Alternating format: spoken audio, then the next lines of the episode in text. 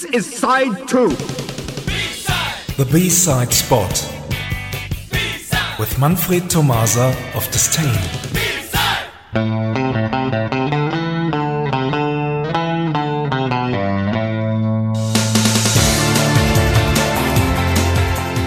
Hello everyone, hope you are doing fine. Here is your weekly B-side spot. Last week's spot was Electronic, a band set up by New Order's Bernard Sumner and Johnny Marr of The Smiths at the end of 1989. The following 1990s saw more New Order members working on new projects.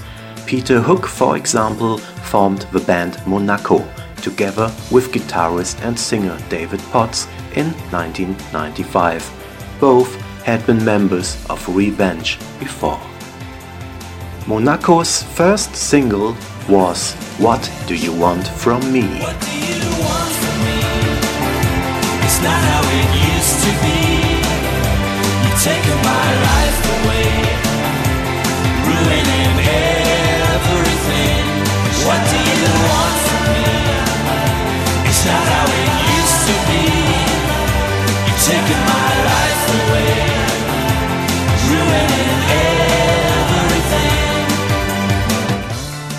What Do You Want From Me was released in March 1997 and reached position 11 in the UK charts.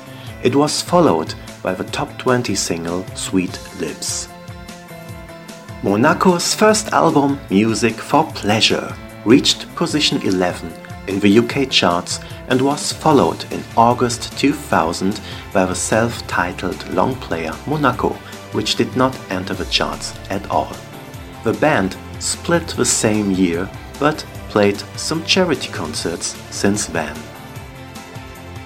The track we play today is Ultra, one of two exclusive B-side compositions taken from What Do You Want From Me? See you next week.